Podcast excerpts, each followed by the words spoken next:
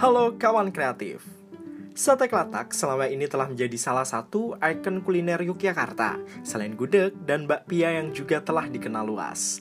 Bagi para pelancong yang tengah berlibur di Yogyakarta, sate klatak biasanya menjadi salah satu kuliner yang wajib dicicipi. Daging yang empuk, cita rasa yang khas, serta keunikan cara pembakaran dan penyajiannya menjadikan sate klatak bak magnet yang selalu menarik wisatawan. Namun, bagaimana sejarah sate klatak di Yogyakarta sendiri? Dikutip dari Ensiklo, Nandi menyampaikan untuk Anda. Salah satu keunikan dari sate kelatak adalah cara pembakarannya, yang menggunakan jeruji besi sebagai tusuk sate. Hal yang tak lazim tentunya, karena sate umumnya menggunakan tusuk berbahan dari bambu. Selain itu, sate kelatak juga hanya menggunakan bumbu sederhana berupa garam, berbeda dengan sate biasanya yang dilumuri bumbu lengkap sebelum dibakar. Warung-warung sate kelatak mudah dijumpai di sepanjang Jalan Imogiri, Bantul, Yogyakarta.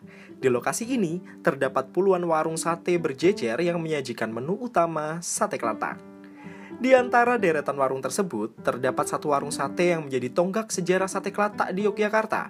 Warung sate kelatak Pak Jupaini, warung sate ini menggunakan nama sang pelopor sate kelatak, yakni Jupaini.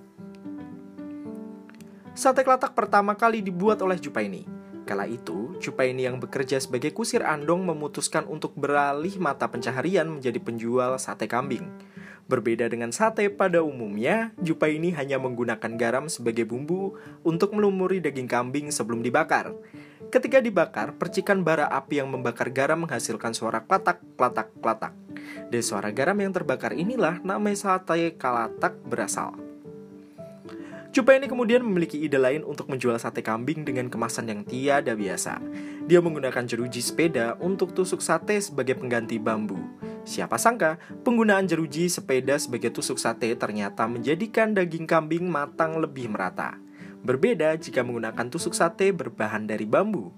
Tusuk sate bisa patah karena ikut terbakar sebelum daging matang sempurna.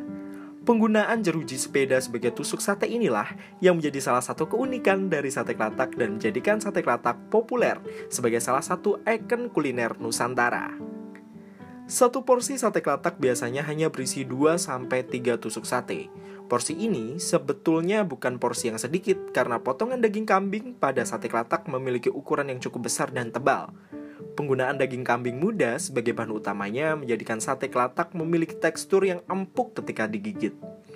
Satu porsi kelatak biasanya disajikan bersama dengan kuah kari yang mirip dengan kuah gulai. Bagi yang suka pedas, bisa meminta irisan cabai rawit untuk dicampurkan ke dalam kuah kari. Penggunaan kuah kari sebagai menu pendamping sate kelatak sudah dimulai sejak pertama kali sate kelatak dibuat oleh Jupaini. Jupa ini memadukan beragam bumbu dalam kuah kari yang disajikan dengan sate kelatak yang hanya menggunakan bumbu sederhana berupa garam. Cara penyajian ini bertahan sampai sekarang dan menjadi keunikan tersendiri dari cara penyajian sate kelatak.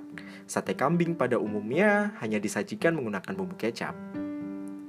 Dari puluhan warung sate kelatak yang berjejer di sepanjang Jalan Imogiri Bantul, Yogyakarta, terdapat sebagian warung sate kelatak yang merupakan keturunan dari Jupaini, sang pelopor sate kelatak. Warung sate Pak Jupaini saat ini diteruskan dan dikelola oleh anak kandung Jupaini, yakni Kabul bersama dengan istrinya. Tiga dari sembilan anak Jupaini memiliki usaha warung sate kelatak, yakni Madi, Hawing, dan Kabul. Selain anak-anak Jupa ini, dua cucu Jupa ini yakni Pak Nyong dan Pak Pong yang merupakan kakak beradik juga membuka usaha warung sate kelatak. Warung sate kelatak Pak Pong saat ini menjadi salah satu warung sate yang tersohor dan menjadi jujukan para pelancong ketika berkunjung ke Yogyakarta. Nah, itu tadi sejarah dari sate kelatak di Jogja. Bagi kawan kreatif yang hendak berkunjung ke Yogyakarta, wajib untuk menambahkan lift sate kelatak sebagai jujukan Anda ketika bertandang ya. Nantikan podcast Nandi setiap minggunya. Sampai jumpa.